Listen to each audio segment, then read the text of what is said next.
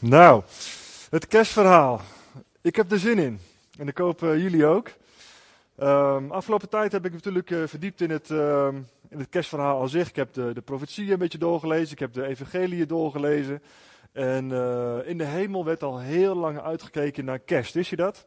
In de hemel is meer dan, meer dan 400 keer is er geprofiteerd over het kerstfeest. Eigenlijk over de geboorte van Jezus. Toen heette het natuurlijk nog geen kerstfeest. Maar uh, in de hemel is sowieso altijd heel veel blijdschap. En als je, als je ook de, de engelen ook, ook uh, als die gestuurd worden, als ze dingen zeggen, of als er een, een, woord van God uit de hemel gaat, dan hoor je heel vaak gaat het over blijdschap. En, en er is grote blijdschap hier en er is blijdschap daar. En in de hemel is heel veel vreugde. En is er heel lang, duizenden jaren, is er eigenlijk uitgekeken naar het kerstfeest. Maar in, uh, in Nederland ook, en in de wereld ook. Want vanaf uh, dat Sinterklaas een beetje met de boot naar uh, Spanje is gegaan, kan je Sky Radio niet aanzetten. En het is een en al kerstnummers. En ook in de wereld wordt uitgekeken naar het kerstfeest. En misschien dit jaar wat minder dan, dan voorgaande jaren. Maar ehm, ja, Sky Radio is de Christmas station. Hè. Er is alleen maar kerstnummers. Elke keer zijn het weer dezelfde. En je krijgt gewoon zin in kerst. En op een gegeven moment dan is het dan kerst geweest. En dan zit je daar met zo'n helemaal volgevreten buik, zit je daar van ja, oké, dit was dan, uh, ja, dit was dan kerst. dit was het dan. Het is alweer achter de rug, lieve mensen. We hebben nog een mooi podium hier staan en we hebben het fantastisch ons best gedaan om wat van kerst te maken. Maar feitelijk is kerst al achter de rug. En wat gaat het al snel? Hè? Je kijkt wekenlang uit naar het feest en dan één keer dan is het alweer voorbij. En we vieren het vandaag nog een beetje natuurlijk.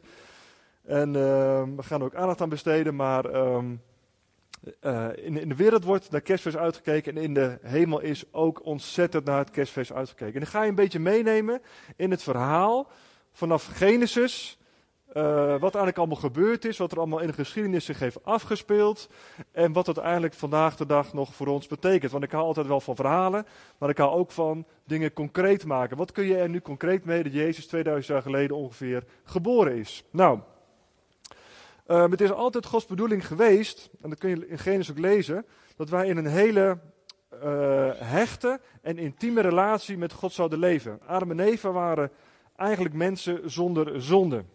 En uh, ze leefden in een perfecte relatie met God. Ze waren in de Hof van Eden. En dat, dat, kun je ook lezen, dat is heel bijzonder, dat God kwam vaak naar beneden toe, naar het paradijs, in de Hof. En dan ging hij wandelen met Adam en Eva. En zij horen ook de voetstappen van God door de hof heen gaan. En wij zijn dus als mensen van oorsprong bedoeld om uh, dicht met God in relatie met Hem te leven, zonder dat daar iets tussen zit. Een open verbinding, een open relatie. Nou, dat ging natuurlijk al helaas uh, al vrij snel uh, mis. En iedereen kent het verhaal. Adam en Eva hebben gekozen om, om van de verboden vrucht te eten, om de appel, eventjes om het gemak te noemen. En ehm, daarmee werden ze eigenlijk kregen zij een zondige natuur. Ze kenden geen angst, ze kenden geen schaamte, ze kenden geen schuld, geen afwijzing, geen onreine gedachten, geen moord. Nou, al die dingen, dat kenden ze niet. En dan kwam in één keer kwam dat over hun. Ze schaamden zich en voelden zich naakt. Nou, wat, wat een, ja, hoe zou dat voor hun geweest zijn? Hè? Dat je, eigenlijk ben je een perfect iemand en in één keer krijg je al die gedachten en gevoelens over je heen. Die krijgt een zondige natuur. Dat zou best wel een schok voor ze geweest zijn. Nou, God die reageert daar ook op. Maar binnen één hoofdstuk in Genesis zegt God al het volgende. God gaat gelijk naar de oplossing kijken. Hij zegt, de eerste profetie over de geboorte van Jezus, haar kind zal jouw kop verpletteren en jij zal de hiel van haar kind verpletteren. Dus God gaat, gelijk al een perspectief geven, oké, het is nu helemaal fout gegaan, het is helemaal in de mist gegaan. Wij moeten afscheid nemen van elkaar, of in ieder geval, we moeten afstand nemen van elkaar. Ik, ik ga naar de hemel en mijn geest gaat af en toe op jullie zijn. Op bepaalde mensen is de Heilige Geest. Maar ik kan niet meer die intieme relatie hebben die ik met de mens had. Nou, maar God gaat gelijk al zeggen: ik ga het in orde maken. En ik ga, ik ga het oplossen. En hier staat ook: haar kind zal jouw kop verpletteren. Dat is dus Jezus, is de nakomeling van Adam en Eva. Die zal de kop verpletteren van de slang. Maar de slang zal de hiel van het kind verpletteren. En dat is ook gebeurd aan het kruis van Golgotha. Dus de eerste echte profetie over um, wat, Jezus, wat Jezus komst voorspeld is. En zo zijn er nog 400 profetieën, meer dan 400 profetieën, die allemaal wijzen naar de komst van Jezus. Tot in detail exact voorspelt wat Jezus gaat doormaken. Onder welke omstandigheden hij geboren zal worden. Welke dingen hij zal meemaken in zijn leven. En exact hoe zijn einde van zijn leven zal zijn. Nou, dat, uh, ik stel me dat al zo voor dat als je soms heb je een geheimtje voor iemand. En dan kan je gewoon niet je mond dicht houden. Herken je dat? Soms heb je iets, iets moois voor iemand gekocht of iets, of iets leuks gedaan. En dan moet je er gewoon wat over zeggen. Zo vet is het. Ja? En zo is het met God ook. God zit in de hemel. Hij ziet ons daar een beetje op aarde, een beetje ronddolen en rondklooien. En af en toe, hij kan zijn mond niet dicht houden. Moet hij eventjes iets aan een profeet zeggen van, Jezus gaat komen. Hij gaat, gaat je verlossen. Hij gaat een vrederijk stichten. Dus af en toe gaat God gewoon een, even iets uit zijn hart delen. Om, om eventjes ons te bemoedigen, zeg maar. Maar ook om het op te schrijven, zodat als het gebeurt, op het moment dat Jezus dus komt, dat het ook tastbaar en zichtbaar is. Niet van, nou, goh, ja, Jezus is geboren en het zal wel de verlosser zijn. Nee, het is allemaal van tevoren opgeschreven. Het is geen toeval. Alles is voorspeld. Nou, nog een uh, profetie. Ik ga dus niet alle 400 voorlezen, maar ik ga er wel vier voorlezen. Jesaja 9. Want er is een kind geboren. We hebben een koningszoon gekregen. Hij zal als koning heersen. Hij wordt wijze raadgever, sterke God, eeuwige vader en vredekoning genoemd. Hij zal voor eeuwig regeren. En in zijn koninkrijk zal het eeuwig vrede zijn. Hij zal eerlijk en rechtvaardig over het koninkrijk van David regeren, voor eeuwig. De Heer van de hemelse legers zal dit doen, omdat hij zo ontzettend veel van zijn volk houdt. En uh, ja, wat moet je ervan zeggen? Zo geweldig. En dan nog eentje, dat is Psalm 22. Dat gaat over de kruisiging. Ze doorboren mijn handen en voeten. Al mijn botten zijn te tellen. door de geesteling is die helemaal kapot gegezeld. Al zijn botten zijn gewoon zichtbaar. Mijn vijanden kijken toe en genieten van mijn pijn. Ze verdelen mijn kleren onder elkaar. Ze loten wie mijn onderkleed mag hebben. Nou, dat is allemaal letterlijk gebeurd aan het kruis hebben ze, de soldaten en de, de hebben genoten dat Jezus daar hing. Eindelijk hebben hem te pakken. En voor zijn voeten gingen ze zijn onderkleed uh, verloten. En zo zijn er vele profetieën over Jezus. En de volgende, de laatste, dat is de sleuteltekst voor vandaag. Dat is Jezaja 42 vers 6. En dat is ook de tekst die eigenlijk ook uh, God aan mij gegeven heeft voor leef, al een aantal jaren geleden. Is voor het eerst dat, ook, dat, ik dat, dat ik dat ook deel, maar dan weet je het ook alvast. Ik, de Heer, heb jou geroepen om rechtvaardig te zijn. Ik zal je bij de hand nemen, je beschermen en door jou een verbond sluiten met mijn volk. En nu komt hij.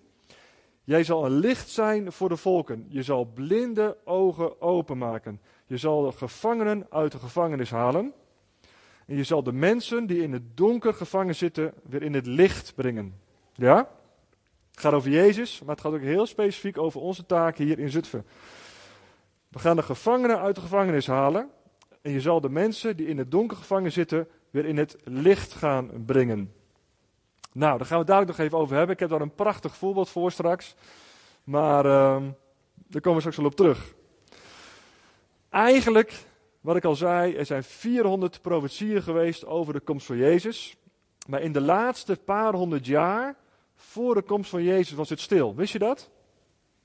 De laatste paar honderd jaar voor de komst van Jezus was het stil. Er kwamen geen boodschappen meer uit de hemel. Geen engelen werden gezien. Geen profetieën werden gegeven. Het was stil op de aarde.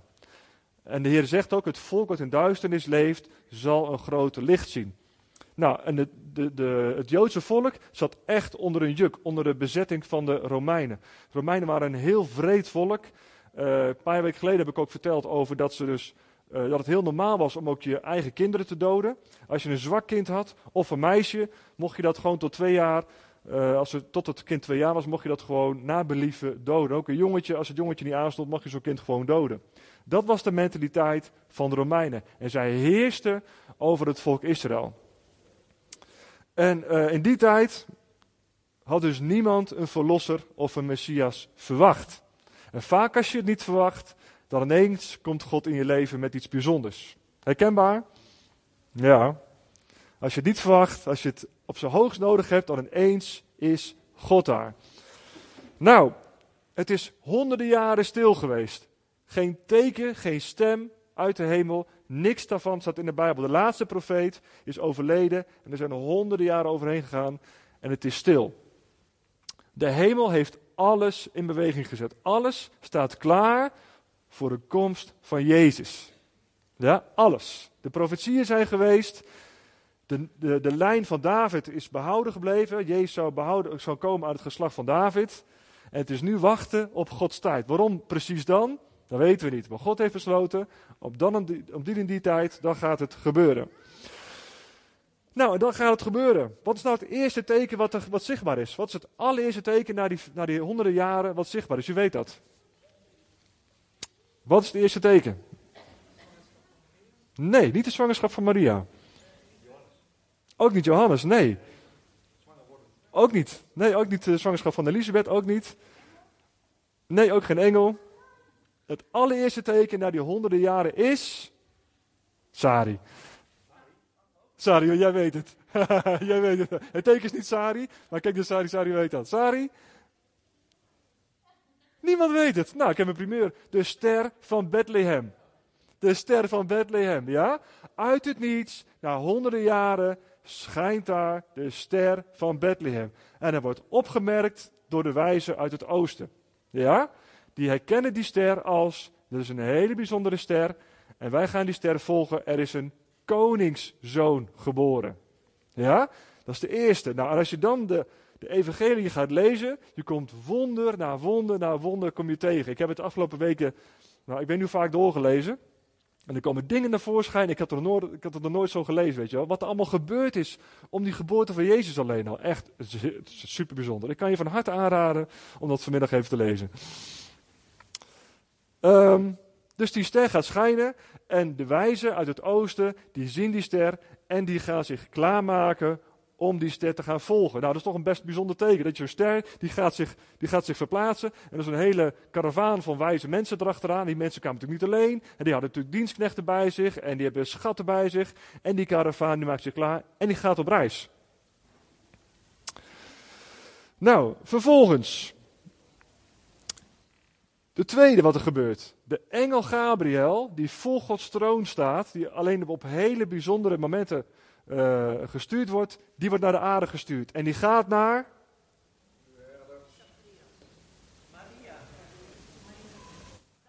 Zacharias, juist, lieve mensen. Hij gaat naar Zacharias. Zacharias is een oude priester, is getrouwd met Elisabeth. En uh, zij zijn oud en kinderloos. En in die tijd was dat echt een schande. Deze tijd vandaag is dat geen schande, maar gewoon een moeilijk verhaal.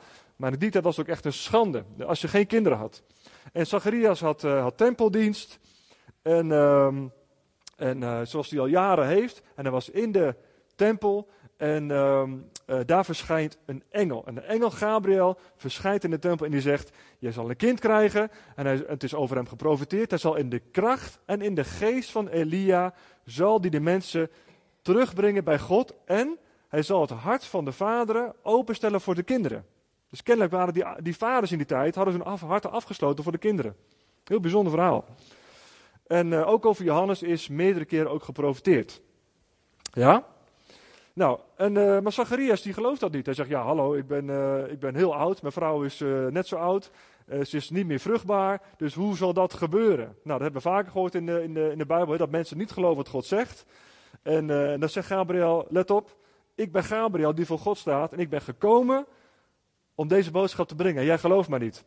En als teken zul jij niet kunnen spreken totdat het kind geboren is. Nou, um, Zacharias die, uh, die gaat naar huis, kan dus niet meer praten en, is dus stom tot de tijd dat Johannes geboren gaat worden.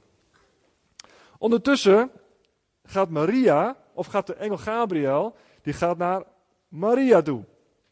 Ook zo'n bijzonder verhaal. Maria is waarschijnlijk een jaar of 17 is verloofd met uh, Jozef, de timmerman. En ze zouden gaan uh, trouwen. En daar verschijnt in één keer de engel Gabriel. En wat hij allemaal zegt, jongen, niet normaal. Hij zegt tegen Maria, je zoon zal een, een, een, een eeuwig uh, vrederijk hebben, zal heerser zijn, er zal zijn volk verlossen. Er is over hem geprofiteerd. En, zegt hij als bewijs, jouw nicht Elisabeth, die al mega oud is, die, is, uh, die onvruchtbaar was, en die een schande op zich had, die is zwanger. Van iemand die ook over geprofiteerd is en hij is de wegvoorbereider van jouw kind. Dat heeft de engel Gabriel allemaal tegen uh, Maria gezegd. Nou, um, Jozef en Maria waren niet getrouwd, dus die hadden nog geen seksuele relatie met elkaar. En, uh, en dus het, teken van Maria was ook, of Maria vroeg ook aan, aan de engel van, nou, goh, uh, hoe kan ik dat dan geloven? Hè? Want uh, ja, ik, ik heb, ik, heb, geen relatie met de man. En als teken daarvan is het dus dat dus Elisabeth, haar nicht, dus zwanger is. Nou, moet je je voorstellen hoe dat voor, hoe dat voor Jozef is. Ik, ik schets gewoon even een, even een leuk verhaaltje, weet je, hoe dat dan tussen Jozef en Maria gegaan zou kunnen zijn. Uh, in deze tijd. Nou, stel je voor dat uh, Maria, die, uh, die, is, dus die engel heeft is dus gezien. En Jozef, die weet er niks van. En op een gegeven moment ziet Maria ziet bij zichzelf een, een buikje. Die van, oh ja, de engel heeft gelijk, ik heb een buikje. En dan gaat ze naar, dan gaat ze naar Jozef toe. En zegt ze, Jozef, goh, zegt ze, Jozef, um, um, zie je wat aan mij? En Jozef, nou, nee, ik, zie, ik zie niks aan jou. Ja, zegt ze, um, valt je dan helemaal niks op aan mij? Nou, Jozef die kijkt zo eens een beetje. En hij weet als vrouwen. Jozef is al een beetje ervaren, is, is er voorbereid op, uh, op het huwelijk. En die weet als vrouwen dat soort vragen stellen aan een man. Ja, dan, dan geef je op, op glad ijs. Dan moet je echt gaan opletten wat je gaat zeggen. En uh, die Jozef die wordt al een beetje op zijn hoede. En die zegt van, uh, uh, ja nou gewoon, nou, je ziet er gewoon hartstikke mooi uit. Ehm, zoals altijd, eh, sinds ik je heb leren kennen. Op een gegeven moment dan eh, zegt Maria, vind je niet dat ik dikker ben geworden? Oeh, wat moet je daarop zeggen? Wat je ook zegt op die vraag, het is altijd fout. Dus Jozef zegt van, nou ja, ik, ik weet het niet zo goed. het valt me niet zoveel aan je op. Daar zegt ze, ik ben... Nou, strikt niet, maar ik ben, uh, ik ben zwanger. Maar het is niet van, uh, van David de achterbuurman. Het is ook niet van, uh, van Jozefat de, over, achter, de, de overbuurman. Het is van de Heilige Geest. Want ik heb een engel gezien en die heeft tegen mij gezegd: Maria, je zal zwanger worden. Ja, zegt Jozef. Oké, oké. Um, dus jij bent niet zwanger van de buurman, jij bent zwanger van een engel van, of van de Heilige Geest. Uh, en een engel heeft, heeft, je dat verteld. Ja, zegt ze, een engel is hier geweest en heeft gezegd dat ik, uh, dat ik zwanger zou worden en ik ben niet zwanger van een man. Nou, zegt Jozef, ik ga wel eventjes uh, naar mijn werkplaats toe. Ik ga wel even aan een, aan een kastje timmeren. Ik ga wel eventjes, even in mijn man cave ga ik dit eventjes overdenken. En vervolgens loopt Jozef loopt naar, naar de deur toe en zegt Maria, zegt, ja, zegt Maria, nog één ding. Uh, voordat je daar je even gaat terugtrekken, zegt, ja, en de Engelsen ook nog, dat onze nicht uh, Elisabeth, die al heel oud is, ook zwanger is. Oké, zegt Jozef, ik ga aan mijn, aan mijn kastje timmeren. Ja? dus die neemt dat natuurlijk helemaal niet serieus. Die wat, wat, wat is dat? Er is nog nooit in de geschiedenis voorgekomen dat iemand zwanger is uit de Heilige Geest. En het is uitgerekend Jozef die dit overkomt. Nou, en Jozef die gelooft dat natuurlijk helemaal niet. Dat staat ook in de Bijbel. Jozef gelooft helemaal niet dat Maria zwanger is van de Heilige Geest. Maar hij is een hele eerlijke, betrouwbare man. En hij wil van haar scheiden om haar niet uh, te schande te brengen. En hij zegt van, uh, uh, ik ga gewoon in het geheim ga ik een, ga ik een, een, een scheidingsbrief schrijven. En dan ga ik haar in het geheim ga ik haar verlaten om haar niet in opspraak te brengen. En dan komt de eerste droom waarin een engel verschijnt aan Jozef.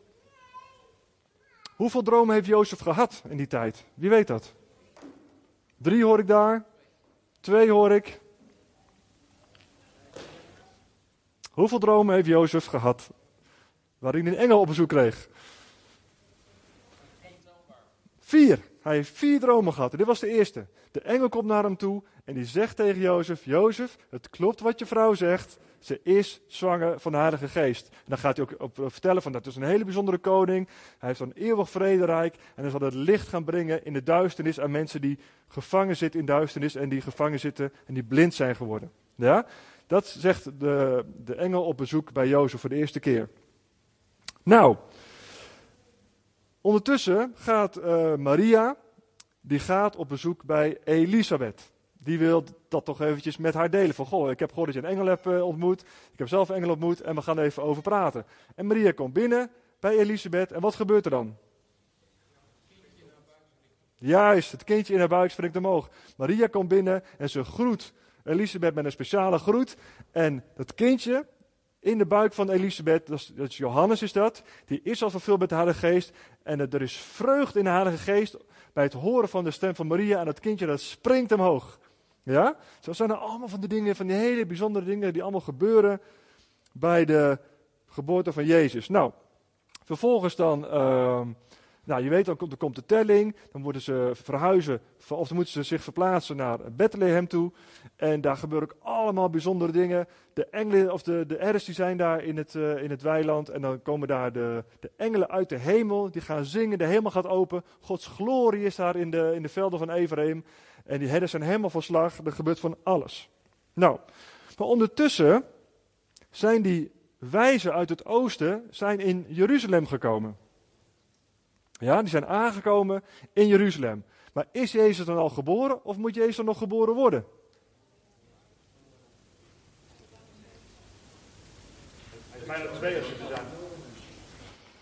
Ja, hij is dan al geboren. Hij is dan al geboren.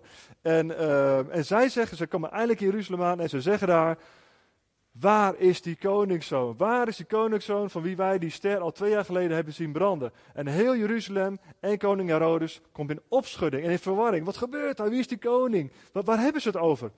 En uh, Herodes laat alle wijzen en, en, en fariseeërs laat komen. En dan gaat uh, precies vragen van waar moet die koning dan geboren zijn? Niet omdat hij zo geïnteresseerd was, maar hij was bang om zijn troon te verliezen. Hij wou dat kindje graag doden. Wat in die tijd helemaal niet ongebruikelijk was. Nou, hij laat die, eh, die wijze laten komen. En hij onder, ondervraagt hen nauwkeurig. Hij vraagt van, goh, wanneer heb je dan die ster gezien? En ze hebben twee jaar daarvoor hebben ze die ster gezien. Uh, dus er zijn ook nog spullen wezen pakken. Ze zijn onderweg geweest. Hoe oud het kind precies geweest weten we niet. Maar dan voor twee jaar daarvoor is die ster gaan branden. En op het moment dat ze daar zijn, in Jeruzalem, is het kindje al geboren. Nou, en um, de wijzen die gaan op pad. Die gaan dus verder die ster volgen. En ze spreken af met Herodes van, als je, als je het kindje gevonden hebt kom dan bij mij terug, laat mij weten waar het kindje is, want dan wil ik hem eer bewijzen. Eigenlijk wilde hij, hij dat kindje gewoon doden. Ja? Nou, ze komen daar in die, uh, in die, in die, in die stal aan. Nou, ze geven hem uh, allemaal schatten en ze gaan hem uh, aanbidden en voor hem knielen. En eindelijk, na die lange reis, hebben ze kindje Jezus gevonden, exact zoals geprofiteerd is. Nou, um, die wijzen die wilden dus teruggaan naar Herodes om te vertellen dat ze het kindje gevonden hadden. Maar God stuurt opnieuw een engel en de engel zegt tegen die wijze, ga niet terug naar Herodes, maar ga via een omweg, want ze willen het kindje doden. Ja? Um, Herodes die merkt dat hij dus um, bedrogen is door de, door de wijze. En die wordt verschrikkelijk kwaad en die stuurt zijn soldaten naar Bethlehem om alle kinderen onder de twee jaar te doden. Exact zoals geprofiteerd is in, volgens mij, uh, Micha. Dat er echt een, een luid gejammer en een, een luid gehuil is in die, in die plek, omdat al die kindjes daar gedood worden. Jozef krijgt in diezelfde nacht droom nummer twee. God spreekt tegen hem, let op, ga nu vluchten, pak nu je spullen en vlucht naar Egypte. Vlucht naar Egypte, want de soldaten willen Jezus gaan doden. Jozef pakt zijn spullen, zijn ezel, zijn vrouw en, zijn, Jezus en ze gaat naar Egypte. Nou, ze, ze blijven daar een tijdje in Egypte. En vervolgens uh, krijgt Jozef droom nummer drie. Want Herodes is gestorven en de engel zegt tegen Jozef, um, je mag weer terug naar Israël gaan. Want Herodes is gestorven en het is veilig. Dus ze gaan weer terug naar Israël toe. En Jozef wordt daar toch een beetje bang, want de zoon van Herodes is ook niet zo'n lievertje. En dan komt droom nummer vier. Dan komt de engel opnieuw naar Jozef toe en dan zegt, uh, het klopt wat je, wat je zegt. Het klopt wat je aanvoelt, want de, de zoon van Herodes is ook niet helemaal oké. En uh, je moet gaan wonen in Nazareth. Exact zoals geprofiteerd dat hij in Bethlehem geboren is, maar toch een Nazareër genoemd wordt. Nou, zo zie je dat er allemaal tekenen en wonderen zijn nou, ik heb nog niet eens de helft genoemd door wat allemaal te vertellen is. Maar uh, ja, ik ben ook een beetje gebonden aan de tijd. Maar het is echt een onzagwekkend verhaal. Als je het echt gaat bestuderen, Het Oude Testament en de, en de evangelie, wat hij daarover schrijven, het is meer dan bijzonder. En waarom heeft God dat nou gedaan? Waarom heeft hij dat nou allemaal zo voorspeld? Hij wilde dat het net zo was als in het begin. Ja? Dat de mensen weer dicht, heel dicht bij Jezus konden komen. Dat de blinde mensen hun ogen zouden opengaan. Dat kun je fysiek zien, hè, dat blinde mensen echt gaan zien, maar ook geestelijk. Zoals we hier zitten, de meeste van ons waren geestelijk blind. En misschien, sommigen zijn nog geestelijk blind. Maar God wil dat je ogen geopend worden. Dat je gaat zien wie Hij is, dat je Zijn liefde kan ontvangen. En dat we dus heel dicht met Hem in relatie kunnen gaan leven. God wilde niks lievers. God heeft alles uit de kast getrokken. Het hele kerstverhaal, al die profetieën, heeft Hij uit de kast getrokken. Zodat wij in eenheid met Hem konden leven, in intimiteit met Hem. Dat er geen belemmering meer is tussen jou en Hem. Tussen God en mij en jou. En het tweede is, God wil dat de gevangenen bevrijd worden. En dat zijn de mensen die vastzitten in hun denken. Vastzitten door demonen, door geesten die hun sturen, die hun klem zetten, die hun negativiteit aanpraten. En wij, elk, iedereen van ons is geroepen om de blinde mensen de ogen te openen en om de gevangenen vrij te zetten. Daarvoor zijn we geroepen, iedereen als persoonlijk, maar zeker ook als gemeente. En daar, is ook een zalving op. God wil dat elk mens gered wordt. God heeft alles in het werk gesteld, alles geregeld, zodat die weg naar God open is. Amen? Amen. Daarvoor is het allemaal, lieve mensen. Daarvoor is het. Mijn ogen gingen open in 2006. Ik snapte maar niks van God. Ik was verblind. Ik, ik was bang voor God. Maar in 2006 heb ik mijn leven aan God gegeven. Mijn geestelijke ogen gingen open. Ik werd vervuld met de Heilige Geest. En uh, als ik nu ga bidden, of als jij gaat bidden, maakt geen verschil. Dan gaat de Heilige Geest werken. En dan worden mensen bevrijd. En dan worden ze los van de, van de boze. En dan komen ze de Heilige Geest kunnen ze ontvangen. En dan kunnen ze in hele diepe, intieme relatie met God gaan leven. Zodat wij op aarde, zijn volk op aarde, in vrede kan leven. Zoals het geprofiteerd is. God wil dat wij in vrede leven. In onze maatschappij, maar ook in je hart. We hebben elkaar nodig om elkaar voor elkaar te bidden. Ik heb gebed nodig. Dit jaar ben ik ook op een, op een hele bijzondere manier bevrijd. Afgelopen jaren, afgelopen weken zijn hier allemaal mensen bevrijd, met mensen thuis geweest. God wil dat we voor de mensen gaan bidden. Dat de mensen bij Jezus brengen. Dat de mensen hun ogen open gaan. Dat is de reden waarom Jezus gekomen is. Heel simpel. En het kan zomaar, zomaar op je pad komen. Soms dan, uh, dan, uh, dan kan God zomaar mensen sturen waarvan je weet van, hé, hey, hier moet ik iets mee. En soms lopen die mensen zomaar bij je in de straat. Waarvan je weet van, hé, hey, die heeft gebed nodig. En soms is het heel onduidelijk, dan moet je echt Gods leiding van de Heilige Geest moet je vragen. En soms dient het zich op zo'n manier aan dat je weet van, oké, met deze persoon moet ik echt aan de gang. Ik zal je een verhaal vertellen wat echt gebeurd is. En uh, Janneke en ik zaten een keer, enige tijd geleden, toen uh, op een avond, toen ging, uh, de kinderen waren op bed. Dus de, de, grootste veldslag uh, is geleverd. En uh, Janneke die gaat dan meestal nog een, een rondje lopen. En ehm, ik lag even lekker op de bank, lekker te facebooken. En Janneke stond boven en, en, het, en, het, raam van de, van de badkamer stond open. En ze hoorde buiten in één keer een verschrikkelijk geschreeuw. Echt niet normaal. Janneke gaat naar beneden en ze ging een rondje lopen, ze doet de deur open. En zij ziet daar iets heel aparts, recht voor onze deur. Janneke die stort naar binnen en zegt, Willem, zegt, je moet nu, nu naar buiten komen. Je moet echt nu naar buiten komen. Dus ik spring van die bank op en, en, en ik, ik, ik vlieg naar buiten. En ik zie daar iemand lopen. Bijna helemaal naakt. Hij had, nog een, een, een, soort van broek aan die helemaal gescheurd en gerafeld was. En, uh, en die liep daar over straat te schreeuwen en te tieren. En achter hem aan een politiebusje. En een politiebusje probeerde hem, de politie probeerde hem nog... Uh, nog uh, enigszins uh, in bedwang te houden en, en, en, op, ja, iets met hem te doen. En ik dacht gisteren, ja, hoe ga ik je reageren, weet je wel? Moet ik, uh, moet ik in de gevechtsstand gaan springen of moet ik in de, in de geestelijke stand gaan springen? Wat, wat, wat kan ik hier verwachten? Zal ik en ik allebei in, in tongen gaan bidden voor die man? En ik ben erachteraan gelopen, ik ben met de politiebus meegelopen en ik heb gezien wat, ze, wat daar gebeurde. Nou, de politie heeft met hem gesproken. En die man was echt volledig de weg kwijt. Niet een beetje, maar echt totaal de weg kwijt. De politie heeft met hem gesproken en heeft met hem, uh, heeft met hem uh, ja, heeft, heeft, ja, met hem gesproken en heeft contact met hem gehad. En ze lieten hem gaan. Het was koud, hè? Het zat rond het vriespunt, het vroor die nacht. En hij liep bijna helemaal naakt, liep die man daar. En ze lieten hem gewoon gaan. Ja, en zo gaat het in Nederland. Want uh, de, de opvang is, is vol. Uh, hij was geen bedreiging voor zichzelf, geen bedreiging voor een ander. Dus de politie kan er niks mee. En, uh, en zulke mensen laten ze gewoon lopen. Ja? En die man liep bij mij door de wijk. Te schreeuwen en uit zijn dak te gaan. En dus Janneke die stond ook naar buiten. Ik zeg tegen Janneke van nou, ik, ik ga wel even achteraan. Ik had mijn slippers aan en mijn t-shirt, dus ik heb gauw een trui aangetrokken, muts op en jas aan. En ik ben hem gaan zoeken. En ik kon hem niet vinden. Waar is hij nou gebleven? Weet je, zo, zo, zo groot is hij. En ik was vrij snel. Ik kon die man nergens vinden. Dus toen op een gegeven moment reed ik bij ons bij de brink, op, op mijn fietsje. En toen zei ik tegen de Heilige Geest van, ik weet niet waar u bent. U weet het wel. En als u wil dat ik hem ga vinden, dan moet u het nu laten zien. Nou, hij bleef stil. Oké. Nou, toen ben ik nog een klein blokje omgefietst. Toen uh, reed ik naar, uh, naar Begijnderland toe.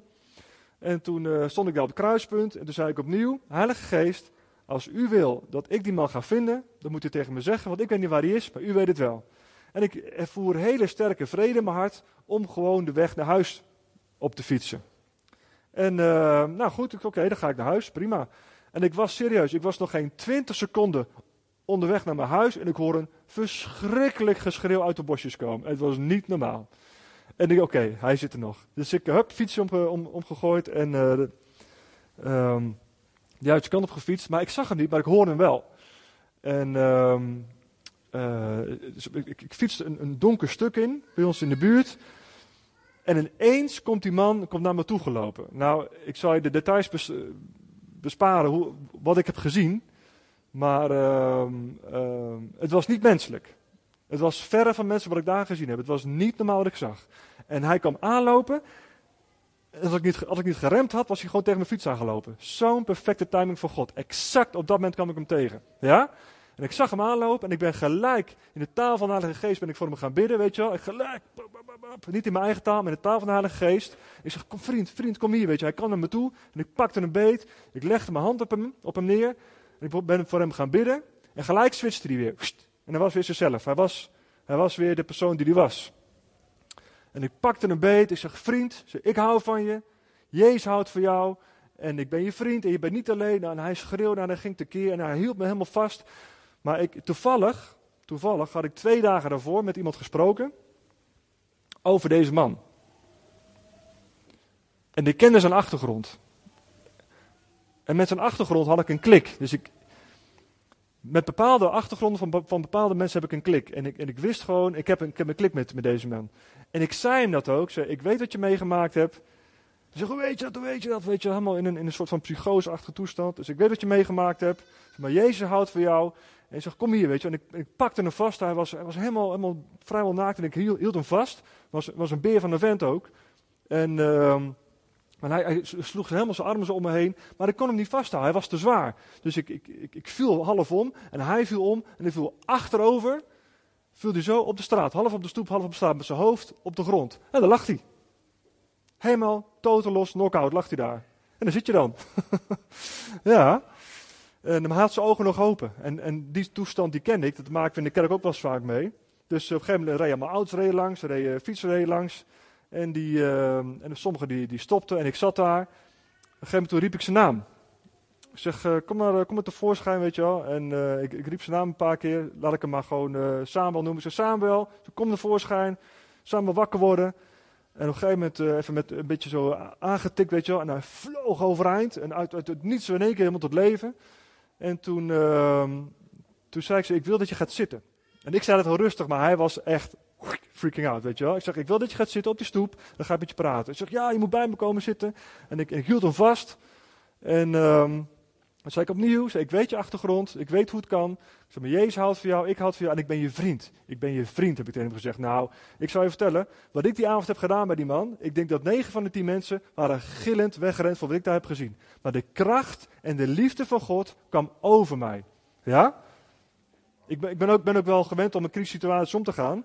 Maar op zo'n moment, als je dat zo vlak voor je fiets ziet, nou, lieve mensen, Ja, heb je echt, ik was zo rustig en zo scherp. En dat was echt van de Heilige Geest. En op een gegeven moment toen, uh, nou hij was, was niet te houden. Hij ging helemaal uit zijn plaat en hij rende weg naar een heel donker stuk bij ons bij het water. En hebben andere mensen hebben de politie gebeld. En uh, uiteindelijk is hij daar, uh, dat duurde verschrikkelijk lang. De, politie heeft er bijna een uur lang in bevroren toestand, het vroor buiten hebben ze hem laten liggen. Uiteindelijk hebben ze hem, hebben ze hem meegenomen. En uh, ik weet niet hoe het nu met hem gaat, dat weet ik niet. Ik heb hem sinds die tijd ook niet meer gezien, maar dat komt nog wel. Want God heeft hem op mijn pad gebracht, weet je wel. Maar zo kan het gebeuren dat zo iemand, of misschien ben je het zelf wel, die gewoon geestelijke nood heeft. En wij zijn geroepen om de mensen om ons heen, die zomaar in één keer voor je neus kunnen staan, te zegenen. En ik heb gewoon zaadjes uitgedeeld. Wat hij nog van meegekregen heeft, hoe ben hem gaat, ik weet het niet. Maar ik heb gezegd dat ik zijn vriend ben. Ik heb gezegd dat Jezus zijn vriend is. En ik heb gezegd dat Jezus van hem houdt. Ik heb voor hem gebeden. Ik ben nog steeds voor hem.